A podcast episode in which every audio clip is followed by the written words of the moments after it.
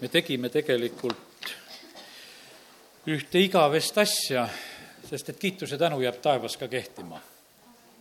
evangeeliumi kuulutust sellises mõttes ei ole, sest seal on kõik päästetud inimesed, seal ei ole mitte kedagi päästmisele kutsuda. aga jumalat kiidetakse ja ülistatakse ikka. üks Soome pastor, kes meil siin aastaid tagasi külas käis, ütles, et seal on nii, et eelmäng on ainult tuhat aastat ja, ja siis tuleb tõeline ülistus. Aga seal on niimoodi, et tuhat aastat on üks päev ja üks päev on nagu tuhat aastat ja seal on üldse teistmoodi. nii et äh, aga täna me pisut siin kiitsime, ülistasime Jumalat ja usume, et oleme kord siis seal ja näeme, ku-, kuidas seda päriselt tehakse. aga me oleme täna ühes kindlas konkreetses ajas. ja kas me mõistame, mis aeg see on või ei ole, me teame seda, et Jumalal on ajastud, mis algavad ja, ja lõpevad. Kas või Vanas Testamendis see jumala seadus, juubeliaasta, viiskümmend aastat. ja, ja siis lähtuti nendest asjadest, et kui, kui see viiskümmend aastat saab täis, siis pidid need orjad vabaks saama, siis pidid omandit tagasi saama, siis äh, korrastati seda asja, me näeme sedasi, et jumalal on selline soov, et aeg-ajalt pannaksegi asjad korda. ja selleks on pandud, ütleme, selline äh, periood nagu üks viiskümmend aastat kaua me olime Nõukogude Liidu all? viiskümmend aastat. Periood. ja siis tehti muudatus nelikümmend kuni ütleme üheksakümmend. ja, ja nüüd me oleme teatud aeg juba, kus me oleme siis eh, selles vabaduses, kakskümmend viis, eks nagu, nagu ütleme sellest pool aega. me teame seda, et, et alati ei ole need lihtsalt, et matemaatiliselt niimoodi, et me nüüd rehkendamegi, et ootame. muideks, kolme aasta pärast on Eesti Vabariigi sünnist sada aastat Need on kõik sellised, jumal teab, millal on jälle mingisugune selline eh, pöördeline hetk.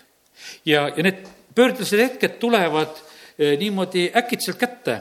Need tulevad ja piiblis on üks selline sõna ja täna ma hommikul nagu ärkasin selle sõnaga ja, ja sellest hakkasin jutlust tegema, see sõna on kuni. kuni. ja kuni on selline üks niisugune piirmäär mis on ennem, mis on pärast. kuni võib olla selline pikkuse mõõde, et kuni sinna Tartuni või, või Tallinnani, ütleme maad mööda, kuni võib olla ajalises mõttes, aga igal juhul on ta üks piir, ta on üks selline murdepunkt, ta on midagi taolist, mis muudab, mis oli ennem, mis oli pärast. kuni juubeliaastani oli üks olukord ja peale juubeliaasta oli lihtsalt teine olukord kiitus Jumalale, meie oma koguduses oleme kogenud seda, et kui sajas aastapäev tuli kätte, pärast seda oli murdepunkt. see murdepunkt oli siinsamas Kreutzwaldi pargis, sellel jumala teenistusel, mis me olime seal väljas mul on see nii selgelt meeles tegelikult minu enda jaoks, ma nägin seda, mis nagu sündis ja, ja see on jäänud heas mõttes kestma ja kiitus Jumalale, et on jumalal need ajad ja vahest olen lohutanud teisi kogudusi, et oodake oma sajandat juubelit. ja kellel on kuskil kahekümne kandis, siis nad ei ole väga lohutatud. et, et nii kaua peab ootama, aga võib-olla saab viiekümne pealt ka juba midagi kätte. ja, ja sellepärast jumal ise eh, kõike seda nagu teab. sõltumata, kas seda enne või pärast seda piiri, millest ma täna räägin, et on seal kuskil see piir, kuskil see kuni.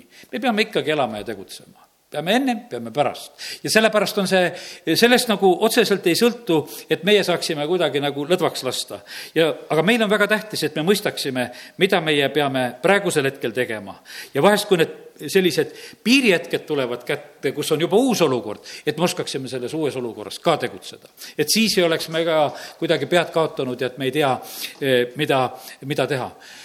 kui issand tuleb, mida meile on öeldud, siis meie tõstame pea ja läheme talle rõõmsalt vastu kui ta tuleb pilvede peal. see on lihtsalt selline ja see on igal juhul üks selline väga kindel asi, mis selle maal, maailma jaoks on tulemas ja kui issand tuleb ja see muudab kohutavalt palju.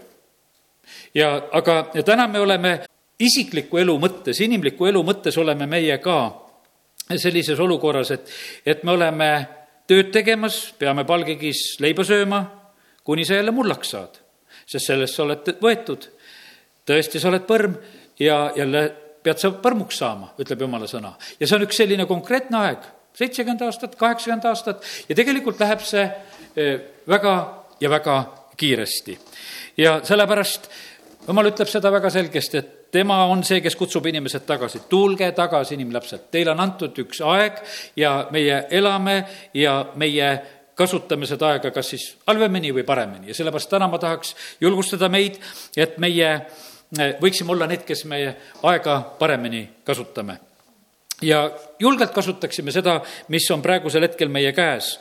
vahest on niimoodi, et muidu tagantjärgi mindame. tead, kui mul oleks oleks jõudu, kui mul oleks tervist, kui mul oleks seda, teist ja kolmandat.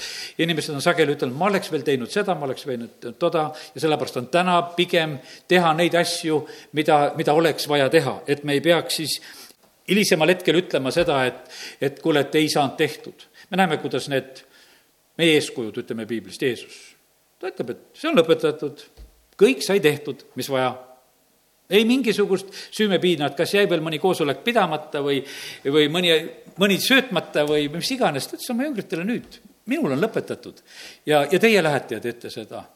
Äh, Apostel Paulus lõpetab, ütleb samamoodi, et pole viga, olen oma selle võidujooksu jooksnud, usk on säilitatud, kiitus Jumalale selle eest. Ja, ja asjad on hästi läinud selles mõttes. ja sellepärast aidaku meid Jumal ka, et meie selles ajas, kuni meil on aeg, kuni meil on võimalused, et me oskaksime neid kasutada ja et need võiksid olla hästi kasutatud piiblis on öeldud esimese Moosese kolmteist kümme, et kui Lott tõstis oma silmad üles ja nägi, et kogu Jordani piirkond oli kõikjal veerikas, enne kui issand Soodoma ja Kor-, Gomorra hävitas, oli see kuni Soarini otse kui issanda rohuaed, samasugune nagu Egiptuse maa lihtsalt see, toon selle nagu sellise pildi, et üks paik siin maa peal võib olla täiesti ühtemoodi ja siis kapitaalselt täiesti teistsugune. kuni selle hetkeni. nüüd me käime seal Surnumere ääres ringi ja, ja vaatame seda ja naudime seda soolast vett ja, ja seda kõrbe ja seda, aga see paik ja see koht, nii nagu siin, kui Lott tõstab oma silmad enne seda, kui jumal hävitas Soodoma ja Gomorra, siis see oli nagu issanda rohuaed samasugune nagu Egiptuse maa. ja, sellepärast on see nii, et, et vahest hetked ja ajad võivad väga kapitaalselt muuta kogu selle maailma sellist olukorda ja, ja sellepärast kõik need asjad on tegelikult Jumala käes. E, toon ühe järgmise asja, võib-olla me vahest mõtleme sedasi, et ei ole võib-olla kõige soodsamad ja paremad ajad. Ja kui isak on nälja ajal elamas seal Geraris ja Bersebas, e, siis ta tegelikult külvab sellel nälja ajal ja ta saab sajakordselt. ja, sellepärast eh, see tuleb mulle ka selles seoses meelde. sain venna Dmitri käest eh, tänukirja, sest saatsime selle eh, raha, mis inimesed kokku panid Nepali kursaadi jaoks, kus vend Dmitri praegusel hetkel on. ja sealt tuli tagasi sajakordne õnnistus, et õnnistati sajakordselt, et olge te õnnistatud sajakordselt, kes on teate, sajakordselt ei olegi väga palju. see ei ole tegelikult väga palju. kiitus Jumalale, Jumala sõna ütleb, et ta võib veel rohkem teha, kui me mõtleme ja suudame ja ma mõtlen seda, et, et võta sellest sõnast kinni, kui sa tahad seda õnnistust saada ära, see ei ole ainult matemaatika. kiitus Jumalale, et Jumal oskab ka neid igasuguseid palju kõrgemaid astmeid. Ja sellepärast mõtlen, et millise rahaga või millise korrutisega sa oskaksid seda õnnistust ära näha, kui su pere saab päästetud, kui sul lähedased saavad päästetud, kui su lapsed ja lapselapsed on päästetud, no millise rahaga sa hindad, et ütleme, et nüüd on sajakordne või, või kümnekordne või? Noh, selle jutuga jääd häbisse. ja sellepärast on see nõnda, et, et me võime uskuda seda, et Jumal on see, eh, kes tegelikult tahab, tahab meid õnnistada ja ta on nii suur võimas Jumal, et ta suudab seda teha, see on esimese Moosese kakskümmend kuus üks. aga maal oli nälg pärast seda eelmist nälga, mis oli Abrahami päevil olnud. ja pane tähele, need sellised kitsad olukorrad olid isaki päevil, olid Abrahami päevil. Eh, vahet ei ole, me elame vahest, kus on need pigistavad olukorrad. ja isak läks vilistide kuninga Abimeleki juurde Gerarisse ja kaksteist salm ütleb seal ja isak külvas seal maal ja sai sel aastal sajakordselt, sest issand õnnistas teda. ja kolmteist salm edasi ütleb ja mees läks rikkaks, läks üha rikkamaks, kuni ta oli läinud väga rikkaks kui jumal õnnistas neid seitset aastat Egiptuses, need seitset head vilja-aastat, siis oli, teate, mis lugu oli? siis oli selline lugu, et ühel päeval lõpetati selle vilja mõõtmine mõõdeti, mõõdeti, kuni nad jaksasid ja ühel päeval nad enam ei jaksanud seda õnnistust mõõta, sest nad lihtsalt kuhjasid. seda, seda ei suutnud enam keegi mõõta, see ei olnud enam nende jaoks mõõdetav. no kui nad seal hakkasid laiali jagama, küll nad siis jälle mõõtsid. ja siis nad võtsid kogu selle ümberkaudse varanduse kokku ja, ja pärast oli kes sealt Egiptusest ära tulid, nendel oli ka, mida võtta. ja sellepärast see jumal tegelikult korraldas ja tegi kõike vägevalt ja sellepärast kiitus Jumalale, et meil on võimas Jumal. ja sellepärast nii on Iisak ka. ta on nälja ajal, ta külvab ja ta saab väga rikkaks ja sellepärast meie ka, ma usun, et, et kui me teeme ka praegusel ajal eh, neid oma ohvreid, mida me teeme, mida me oleme teinud juutide abistamiseks, mida me oleme teinud eh, Nepaali suunal, et seal evangeeliumi kuulutada ja, ja neid inimesi abistada, kindlasti need toovad meile õnnistusi. vend Ants saatis tagasisideme ja ma tahan täna neid tagasisidemeid ka siin kohe jagada. ja me panime nimesid kirja ka, kes tahtsid oma nime kirja panna, et, et nende nimede eest palvetatakse, aga seal tehakse veel isegi rohkem. ja need nimed, nii nagu vend Ants lubas, et tema katsub meeles pidada ja palvetada, aga ta ütleb, et samuti ma viin ka need nimed Ukrainasse kohalikku juudi kogukonda Ukraina juutidel on kombeks, et kõik, kes neile on midagi head teinud, siis nende inimeste nimed graveeritakse puidust tahvlile ja pannakse seina peale. ja siis igal sabatil palvetatakse ja õnnistatakse neid inimesi. kiitus Jumalale, et me ei teadnud seda pühapäeval, kui me neid nimesid sinna kasti panime, et mis meie nimedega tehakse. me panime nagu lihtsamalt ja neid õnnistatakse siis igal sabatil ja palvetatakse nende eest. nii te saate olema pidevalt juutide eespalves ja nende jumala õnnistus saab tulema teie üle. ja sellepärast on hea aasta, millal tasub külvata on hea aasta, millal tasub külvata. ja sellepärast Jumal ise teab, see võib tunduda selline, et kuule, sellel aastal võiks selle külvi vahele jätta, et kuule, et eh, kui on nälg ja kõik on nii kuiv ja nii paha on, et mis, mida me siin üldse jandime. aga tegelikult on Jumal, kes saab õnnistada ja sellepärast ma usun ka, et, et me võime julgelt vaadata oma Jumala peale ja tema tahab õnnistada oma rahvast. ja sellepärast ole, ole väga, väga õnnistatud. ja sellepärast tegutse tegutse, noh, ütleme sellise maksimaalse armastusega, nii nagu kui seal Iisakile otsitakse naist ja leitakse see Rebecca, see tüdruk, siis ta tegelikult ütleb ju nii, kuidas ütelda, nii avatult, et kuule, et ma joodan sind ja ma joodan su kaamleid, kuni needki on joonud mitte mingisuguse moe pärast, et, et noh, natukese, et nendel ka lõug oleks märg, vaid et kuni nad on joonud ja sa tead, et kaamlil on need küürud, kus need vett peavad täis olema. ja kui nad on tulnud ja ei ole, ei ole nalja, see, ütleme, see kaamel ikka joob kaamli moodi, aga see, see oli armastus, millega ta tegutses. ja sellepärast meie, meie käes on mingisugune aeg, meie käes on mingisugune tervis, jõud, vahendid, siis kuidas me seda tarvitame? Paulus ütleb Galaati kirjas kuuskümmend niisiis, kuni meil veel on aega, tehkem head kõikidele, eriti aga usukaaslastele. et kui meil on aega veel, me käes on veel aeg, teeme head, teeme seda kõikidele, aga eriti oma usukaaslastele. E, Tiituse kirja kaks neliteist ütleb, tema on loovutanud iseenda meie eest, et meid lunastada kõigest ülekohtust ja puhastada endale päris rahvaks, innukaks headele tegudele.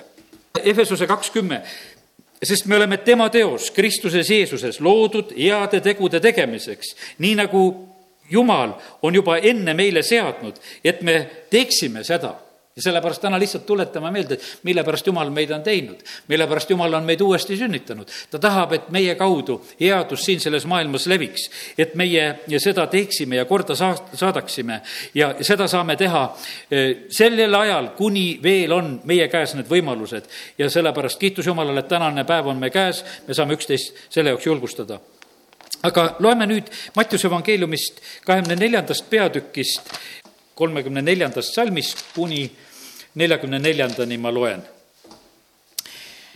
tõesti, ma ütlen teile, see sugupõlv ei kao, kuni kõik see on sündinud. taevas ja maa hävivad, aga minu sõnad ei hävi. seda päeva või tundi ei tea ka keegi, ei inglid ega poeg, vaid isa üksi. sest nii nagu olid noapäevad, nõnda on inimese poja tulemine. sest nii nagu inimesed Noil päevil enne veeuputust sõid ja jõid, võtsid naisi, läksid mehele selle päevani, mil Noa läks laeva. ega taibanud midagi, enne kui tuli veeuputus ja võttis kõik nad ära. nõnda, et ka, nõnda on ka inimese poja tulemine siis on kaks põllul, üks võetakse vastu, teine jäetakse maha. kaks naist on veskil jahvatamas, üks võetakse vastu, teine jäetakse maha. valvake siis, sest ei tea, mil päeval teie issand tuleb. Küllap te taipate, kui peremees teaks, millisel öövalve ajal varas tuleb, siis ta valvaks ega lubaks oma majja sisse murda. seepärast olge ka teie valmis, sest inimese poeg tuleb tunnil, mil teie ei arvagi. siin Jeesus räägib oma taastulekust, mis tegelikult kapitaalselt muudab selle maailma olukorda. kui Jeesus tuleb, võetakse kogudus ära, võetakse kõik pühad ära, kes on siin selles maailmas sellel ajal elamas, siis tõusevad üles need surnud, kes on issandas surnud. esimene ülestõusmine, õndsad on need, kellel on osa sellest esimesest ülestõusmisest. issand tuleb ise siis suure sõjahüüu ja peaingli hääle Jumala pasuna saatel taevast alla ja esmalt tõusevad üles surnud, kes on läinud magama Kristuses. see on esimese Thessalonika neli kuusteist.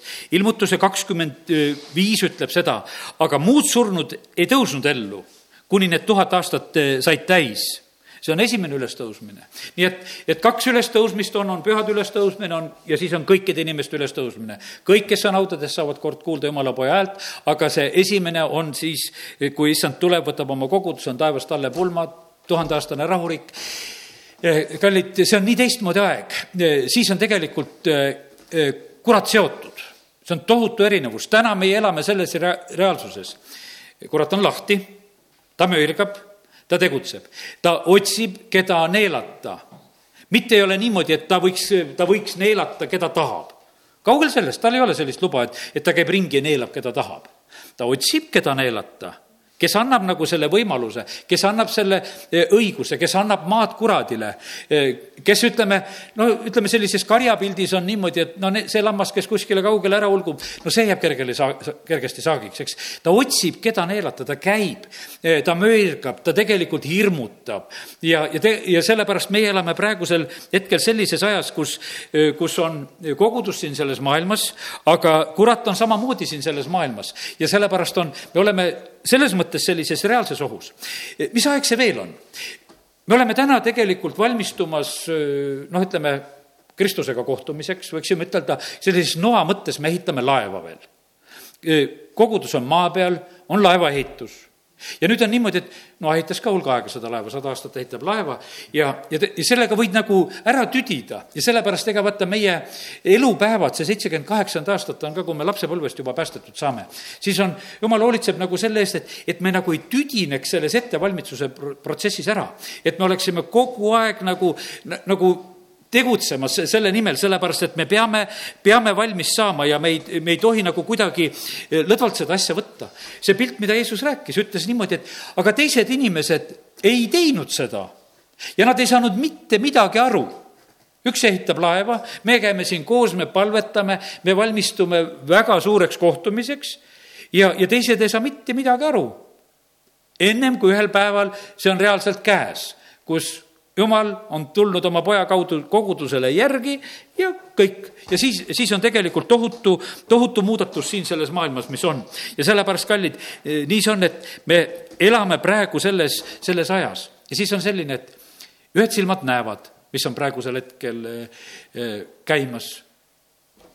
üks mõtleb kogu aeg, et kuidas see laev saaks paremini pigitatud, kuidas, kuidas ta vastu peaks, kuidas, kuidas me saaksime sellega valmis, kuidas kõik läheks nii, kuidas, kuidas tuleks kõik see kokku, mis peab kokku tulema, kuidas need asjad peavad sündima.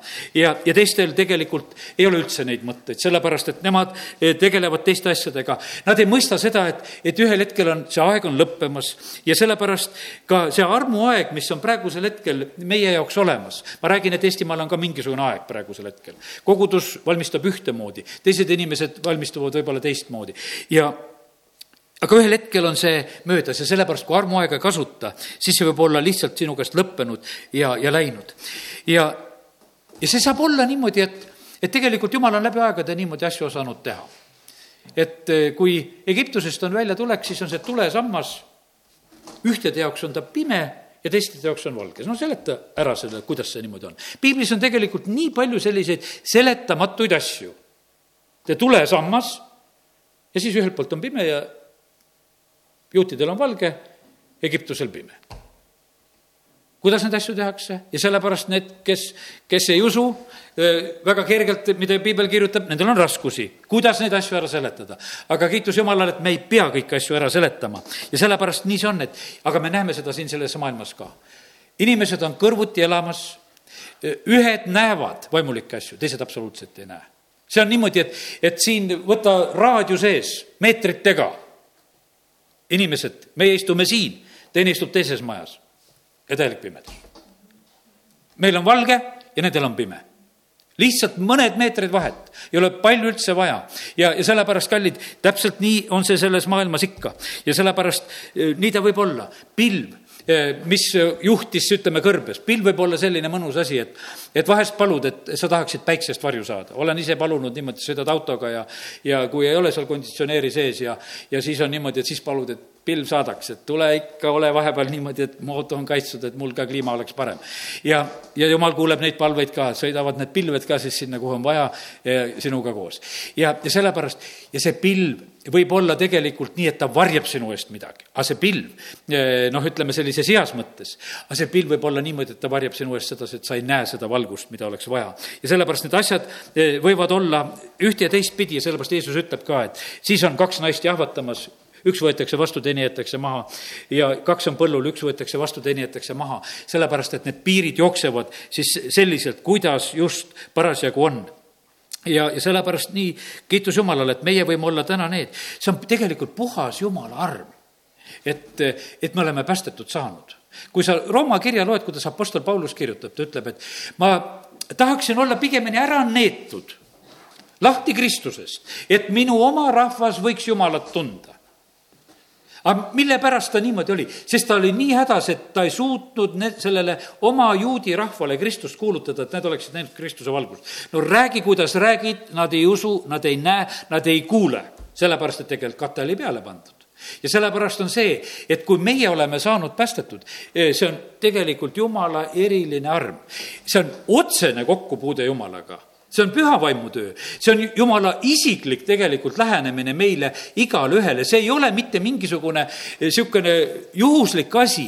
isegi kui sa võid olla suure rahva hulgas sees, see on ikka sinu isiklik päästmine, jumala isiklik lähenemine sinule. üks tuleb välja ja teine ei tule välja ja, ja sellepärast me oleme tegelikult väga, väga õnnistatud olukorras ja, ja kiitus Jumalale, et, et Jumal on seda meie suunal nõnda teinud.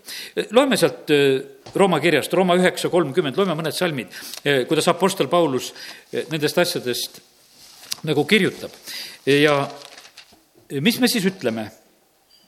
seda, et paganad, kes õigust ei taotlenud, on õiguse kätte saanud, ent õiguse, mis tuleb usust. ja ma loen siit edasi kümme kakskümmend. Jesaja ütleb julgemalt. minu leidsid need, kes mind ei otsinud ma sain avalikuks neile, kes minu järgi ei küsinud. aga Iisraeli kohta ta ütleb, kogu päeva ma olen sirutanud oma käsi sõnakuulmatu ja vasturääkiva rahva poole. siis äh, Rooma kümme, kakskümmend kuni kakskümmend üks lugesin praegusel hetkel. pane tähele, mis siin lugu on. Iisrael oli see rahvas, kellel oli tegelikult kõik, nii nagu siin üheksanda peatüki alguse pool neljandas salmis Paulus kirjutab.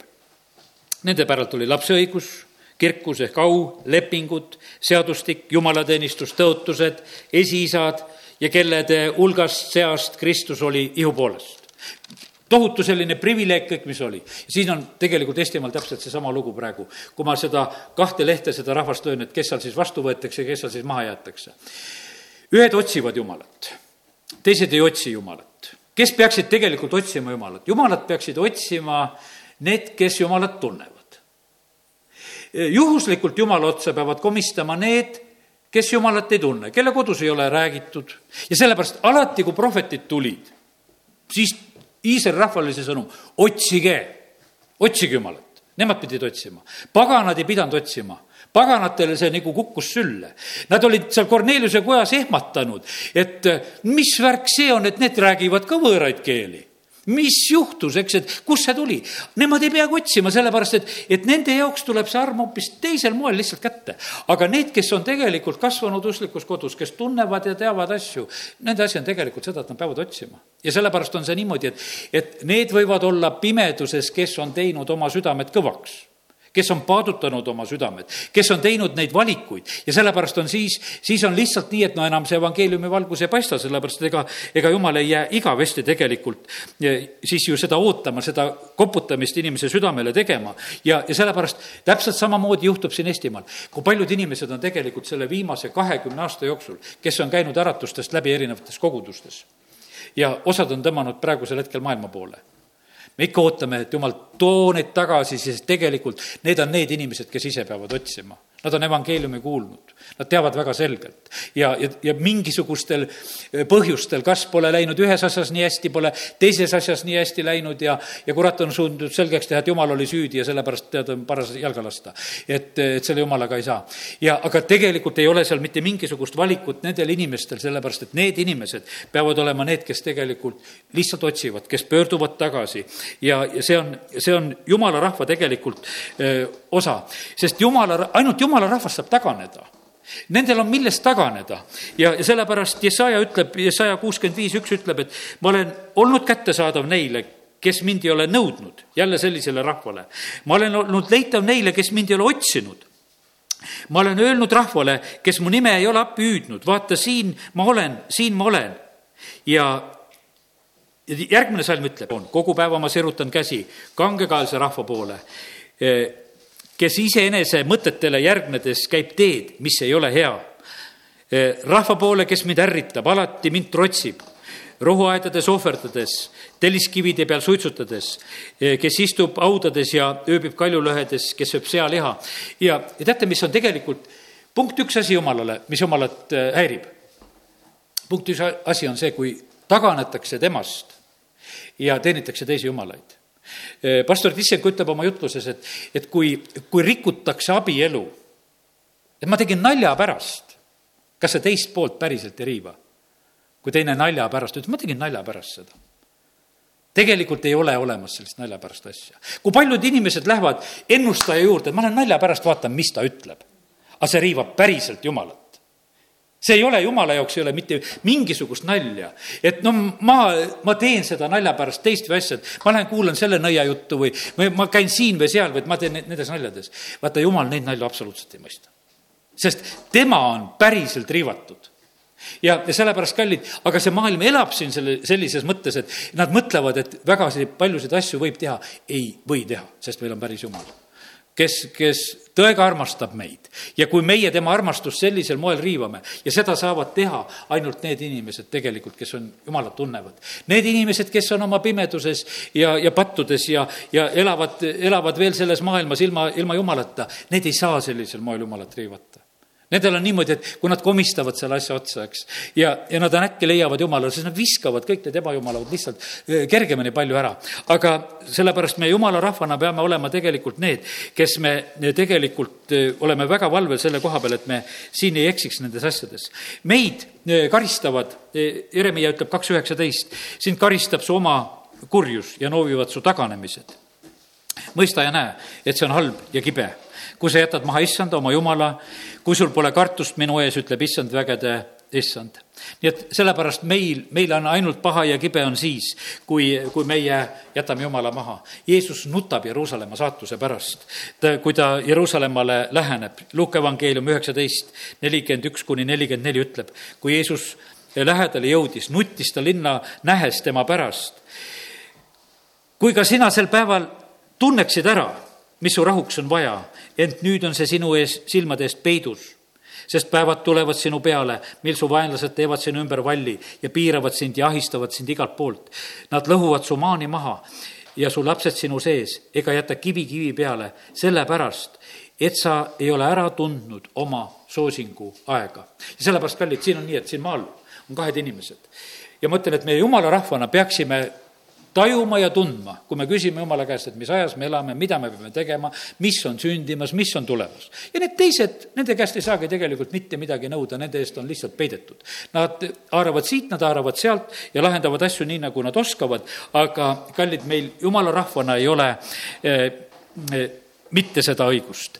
ja sellepärast meie õnnistus saab olla see, kui meie tõeliselt pöördume Jumala poole. millal tuleb Jeruusalemma õnnistus? Jeruusalemma õnnistus tuleb siis, kuni te ütlete, õnnistatud olgu see, kes tuleb issanda nimel. kuni te ütlete. ja kuni see lõug ennem ei paendu seda ütlema, nii kaua seda lihtsalt ei ole. aga kuni te ütlete ja, ja sellepärast on nii, et see maa on praegusel hetkel seal samamoodi väga lõhestunud.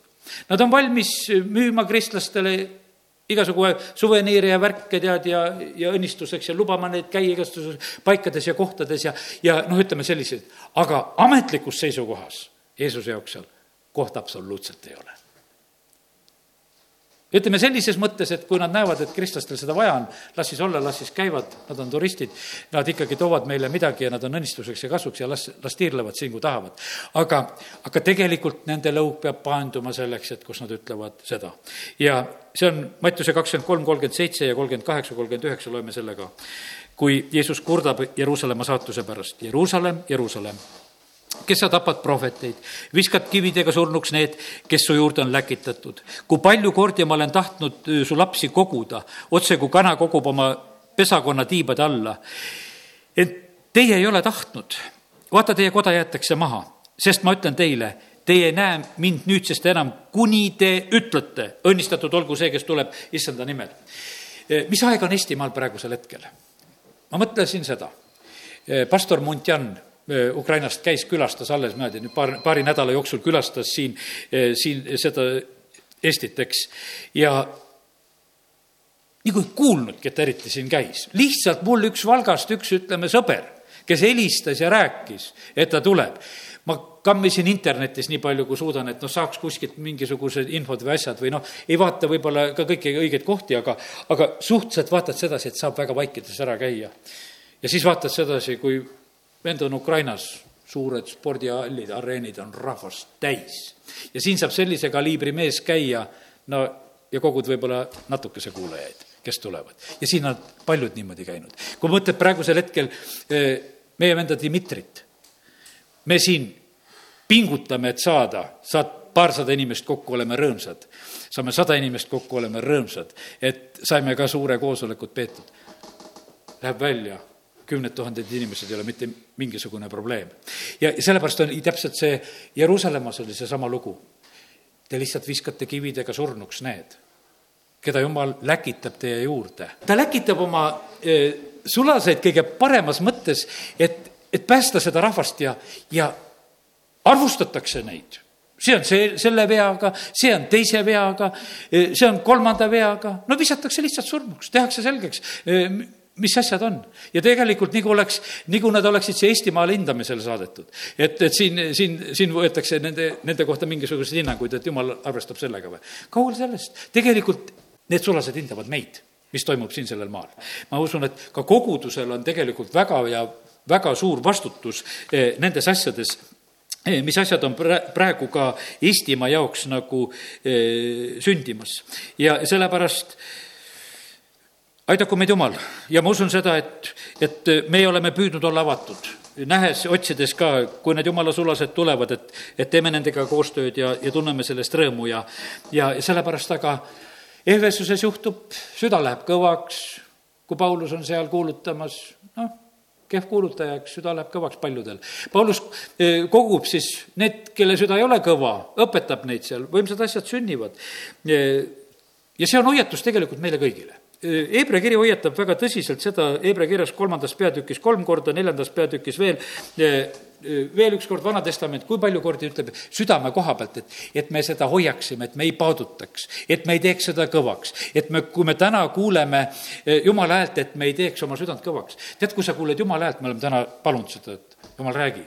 ja see on nagu, kuidas ütelda, see on nagu liimid, osad on kahekomponentsed, et, et see kaks asja saavad kokku ja kui sa need kokku segad, no lähebki ruttu kõvaks, et pead ruttu tegutsema, kuivab ära, eks. Läheb kõvaks ära või värvid ja, ja lakid, mis praegusel ajal paljud on sellised kahe komponendiga. ja, ja, ja sellepärast see võib olla niimoodi, et vaata see jumala sõna, kui jumal räägib, see võib olla nagu see kõvendi, kui see satub sulle, aga see ei pea nii olema see, see ei tohi nii olla, et, et meiega juhtub see ja sellepärast hoiatatakse tegelikult meid selle juures, et, et, et meiega seda juhtuks ja aidaku see, et jumal hoiaks meid kuidagi pehmena, vaatasin siin üks päev, seguauto sõidab praegusel ajal, siis on need uued seguautod, eks, ja tünn seal peal, muudkui vaikselt pöörleb. mille pärast? et ära ei kivistuks see segud, kui kohale jõuab. et ikka oleks midagi pehmet ka välja valada sealt, sellepärast et, et jääb muidu potti kinni ja, ja sellepärast eh, see, see niisugune pehme hoidmine, ka meie südame pehme hoidmine tegelikult on eh, väga, väga oluline ja tähtis asi. kuidas tulevad need eh, murdepunktid meie kätte? teeme lahti teise ajaraamatu kahekümne kuuenda peatüki ja kus on niisugune südame selline kõvaks minek, on pehme, pehme, pehme, kuni ühel päeval on süda väga kõva. teise ajaraamatu kakskümmend kuus ja sealt salmidest kuusteist kuni kakskümmend üks loeme kuningas Ussi kohta. aga kui ta oli saanud vägevaks, läks ta süda ülbeks. nõnda ta talitas kõlvatult ja murdis truudust issandale, oma jumalale. ta läks issanda templisse suitsutama suitsutusaltaril siis läks preester Assarja tema järel sisse ja koos temaga kaheksakümmend issanda preestrit, kõik tublid mehed. Nemad astusid kuningas Ussjale vastu ning ütlesid temale, pole sinu asi Ussja issandale suitsutada, vaid see on preestrite Aaroni poegade asi, kes on pühitsetud suitsutama. mine pühamust välja, sest sa oled üle astunud ja see ei tule sulle auks issandalt jumalalt. ja nüüd, kui preestrid julgesid kuningat korrale kutsuda. siis vihastus Ussia, kel oli parajasti käes suitsutuspann suitsutamiseks. kui ta preestrite pärast vihastus, lõi issanda kojas suitsutusaltari juures preestrite nähes ta laubal välja pidalitõbi ja kui ülempreester Assarja ja kõik preestrid vaatasid tema poole, vaata, siis oli ta laubal pidalitõbi. siis nad ajasid ta sealt kiiresti ära, aga ka tema ise tõttas välja, sest issand oli teda löönud ja kuningas Ussia oli pidalitõbine kuni oma surmapäevani ning elas pidalitõbisena omaette kojas, sest seda hoiti issanda kojast eemal. ja jo-, Jootam, tema poeg, valitses kuningakoja üle ning mõistis kohut maa rahvale. Eh, pane tähele, sellist murdepunkti lihtsalt lähed ülbeks. ma hiljuti jutlustasin sedasama asja ka, et me ei tohi uhkeks ega ülbeks minna. sest see on, see on selline koht, millega me jumala ees hakkama ei saa mit-, mitte ei saa sa sellega kuidagi hakkama. aga teine pilt veel siin samamoodi, e, mis peab olema tegelikult väga korras, me oleme kõik preestrid siin selles maailmas ja me ei saa selle ülesandega hakkama väga hästi. me oleme pehmed siin selles maailmas, nende inimestega, kellega me suhtleme. Jäin ise ka alles hiljuti alla, ütled jah jamale peale, sest et inimene räägib täiesti uskmatust, sest ta südames on, kuulad, kuulad. Ja siis ma pärast mõtlesin ja ma veel ütlesin juures, jah sest et, sest et noh, no ei, no ei ole usku sellel hetkel, et sinna kuskile seda usku külvata, aga tegelikult vale. Me näeme sedasi, et, et ülempreester Assarja ja kaheksakümmend tubli meest ütlevad kuningale, kuule, sina kao siit välja. viska see pann käest ära, see pole sinu asi praegusel hetkel siin tegutseda. no kuidas me kuningaga käituksime? Lähme naeratame, tere, mina sain ka talle kätt anda. vaata, andke nüüd mulle ka kätt, ma lasen tema kätt katsuda. me, me käitume umbes selles stiilis, eks. mina hoian ka, ma ei tea, enam vist ei ole, ühte presidendi töökinnast, millega ta siin spordikooli avamisel mürti pani, pärast ta andis mulle, tõmbas president, raputas käest ära selle ja ütles, kes tahab, ma ütlesin, mina tahan. tead, ja võtsin endale ja siis oli tükk aega ta mul kodus sahtlis. ja, ja tead, ja ja noh, ja käitud selliselt, eks. aga tegelikult on vaja nendele meestele tõtt ütelda. Sest sellest ei ole mitte midagi kasu, kui me käime nendel ümber ja naeratame ihihi. ja, ja, ja siis me tegelikult teeme selle, et me mõistame neid õigeks aga nad lähevad hukka, kui nad meelt ei paranda. Nad teevad valesid asju, nad teevad julgelt valesid asju ja me teeme seal ihihi kõrval. ja sellepärast kiitus Jumalale, et me võime näha siin, kuidas eh, on see ülempreester, kes tegelikult on julge ja ütleb sedasi, et kuule, nüüd on niisugune lugu, et siin ei kõlba et lased jalgasid sellest kohast ja sellepärast aidaku meid Jumal, et meie oleksime ka selles praeguses ajas need. sellepärast, et tegelikult meie peame olema need tunnistajad. meie suust otsitakse tõde ja kui meie seda välja ei ütle ja sellepärast me ei pea häbenema ka, kui, kui meie peale vihastutakse. me ei pea seda häbenema me ei pea seda häbenema, kui, kui meie peale lihtsalt vihastutakse, las nad vihastuvad, midagi teha ei ole. sellepärast, et jumal on pannud meid siin selles maailmas sellesse positsiooni. me laulsime, et oleme maasool, oleme valgus. aga vaata, kui, kui me seda ei julge teha, no siis ei ole siis ei ole, ruttu soolatops kinni ja, ja tead, valgus kinni, et kuule, et ei, siin praegusel hetkel ei saa, et see häirib ju seda, tead, et, et me, me ei tohi siin, et, et praegu peame tõmbama tagasi.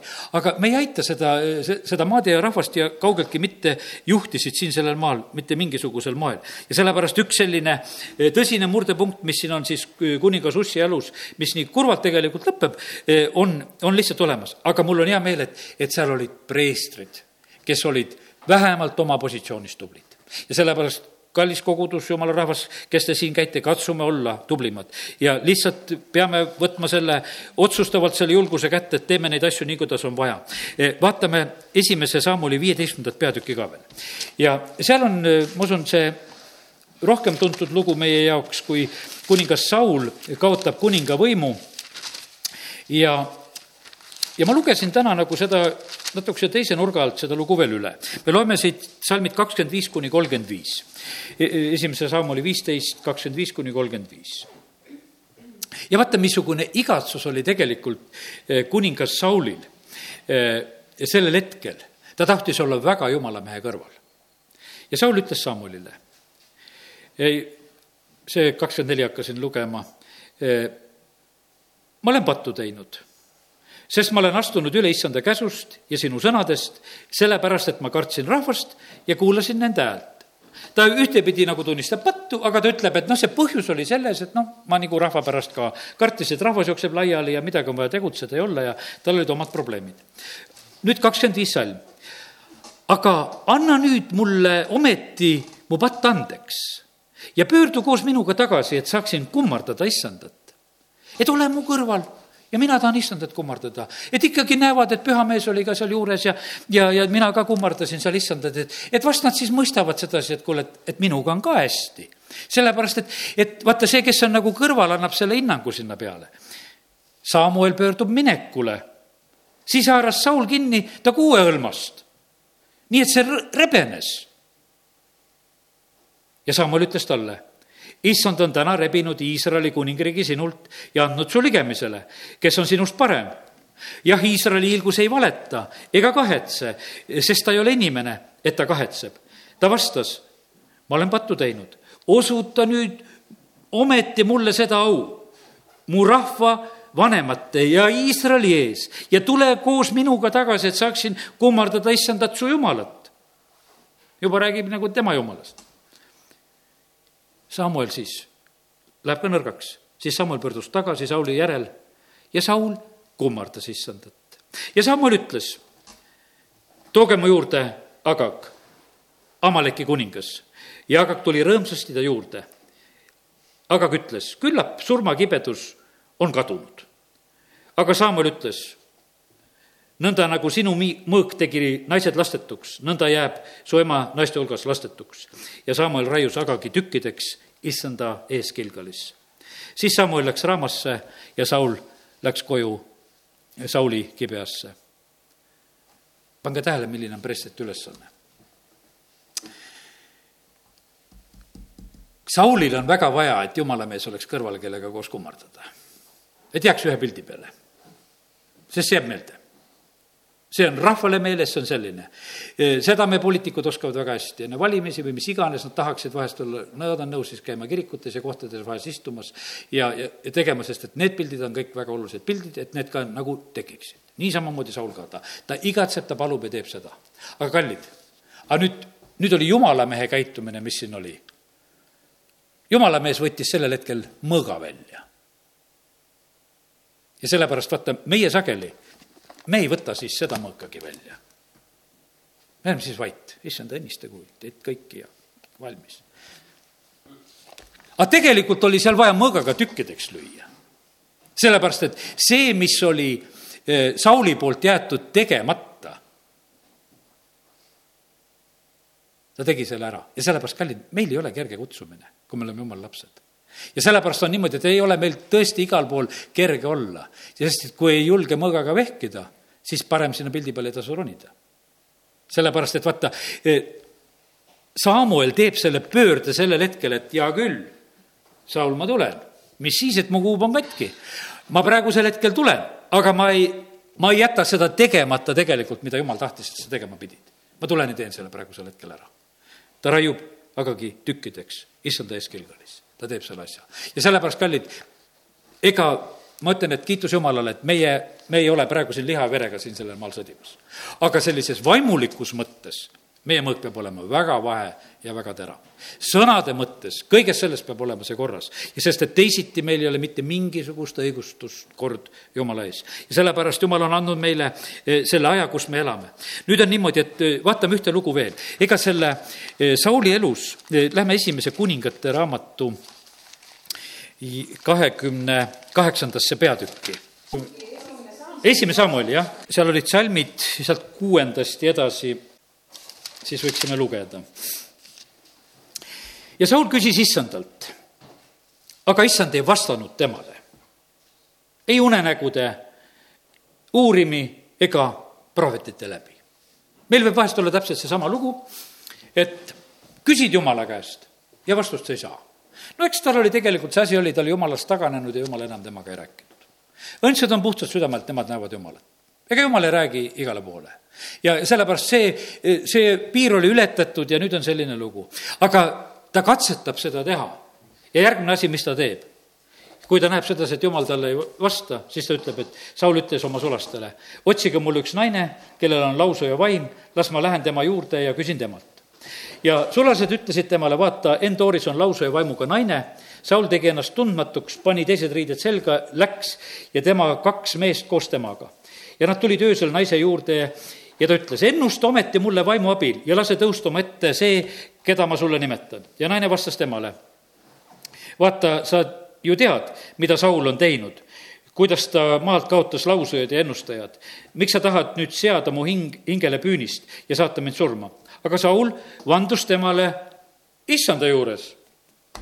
nüüd ta seal ikka hüüab issandat appi ja vannub seal.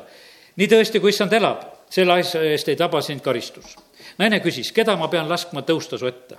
ja ta vastas, lase Samuel tõusta mu ette.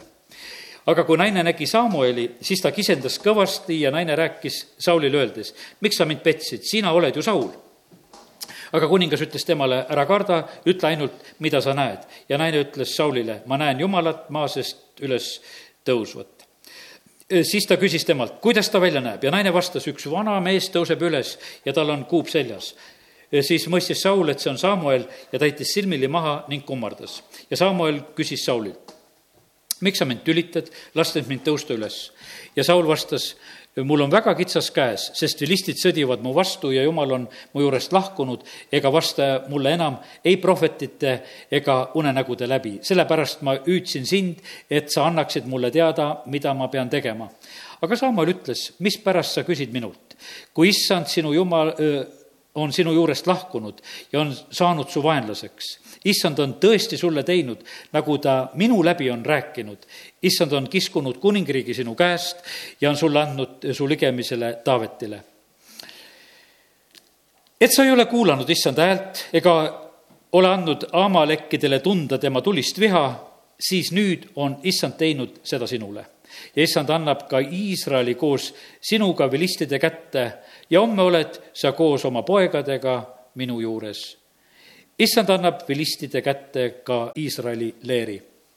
ja hiljem võime lugeda, kuidas äh, ka Saul tegelikult veel lõpuks enesetapuga sureb, ise oma mõõga otsa kukutades, tegelikult väga selline kurb lõpp. ja vaata, mis on, kui sa jumalast ära taganed, siis on niimoodi, üleloomulikku on vaja, siis hakatakse otsima neid lausujaid ja ma olen ise siit saadik nagu ikka nagu rääkinud sedasi, et vaata, kui sa surnute vaime välja kutsud, et siis kurjad vaimud ainult tulevad. Aga täna nagu mõtlesin just selle peale, et vaata, Vanas Testamendis hoiatatakse, et ära kutsu neid välja, surnute vaime. tähendab, kui, kui see hoiatus on, siis on võimalik neid välja kutsuda, nii nagu siin praegusel hetkel piibel kirjeldab eh, ka konkreetselt eh, seda, et Samuel tuleb selle kutse peale. ja, ja sellepärast on siin, see on võib-olla selline eh, ma ei ütle, et siin ma täna oskan seda niisugust lõplikku tõde ütelda selles asjas või, või seda ära seletada, aga see on, me näeme sedasi, et kuidas jumal tegelikult hoiatab, et meie ei, ei torgiks nagu seda poolt maailma.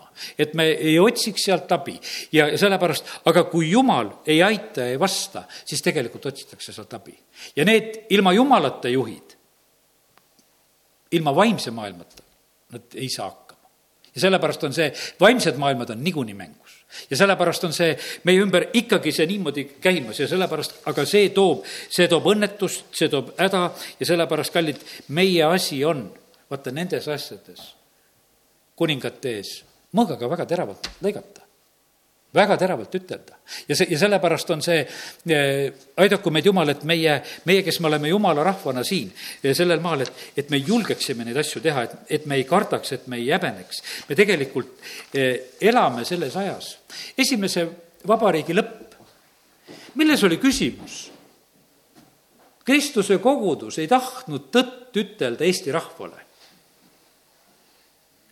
Jumal leiab Reitsi ja Kaarepi ja leiab üksikud. ja neid peetakse hulludeks. kas me võime praegu arvata, et, et see kuidagi paremini läheb? võib-olla meil on usku, et, me, mitte see paar, et seitse-kaheksa juhti, kes juhivad maatunnistuste sisse, et natuke see parem olukord. eks, et millest me siin ise välja räägime. ja se-, sellepärast ega see, see ei ole lihtne olukord. sest see tõde kipub jääma väga ja väga üksi mitte keegi ei taha tegelikult seda ütelda, sellepärast et, et see, see on, see on valus, see on halb ja, aga see teisiti lihtsalt tegelikult ei saa. ja sellepärast aidaku Jumal meid, et, et täna, kui me siin oleme selles ajas, kus me oleme, siis meid on kutsutud tegelikult olema need tõekuulutajad ja tunnistajad siin sellel maal, kes me seda, kes seda julgesti teeme, ainult siis me saame olla õnnistuseks. ja see on nii, et kuni issand tuleb, nii kaua me peame nii tublid olema amen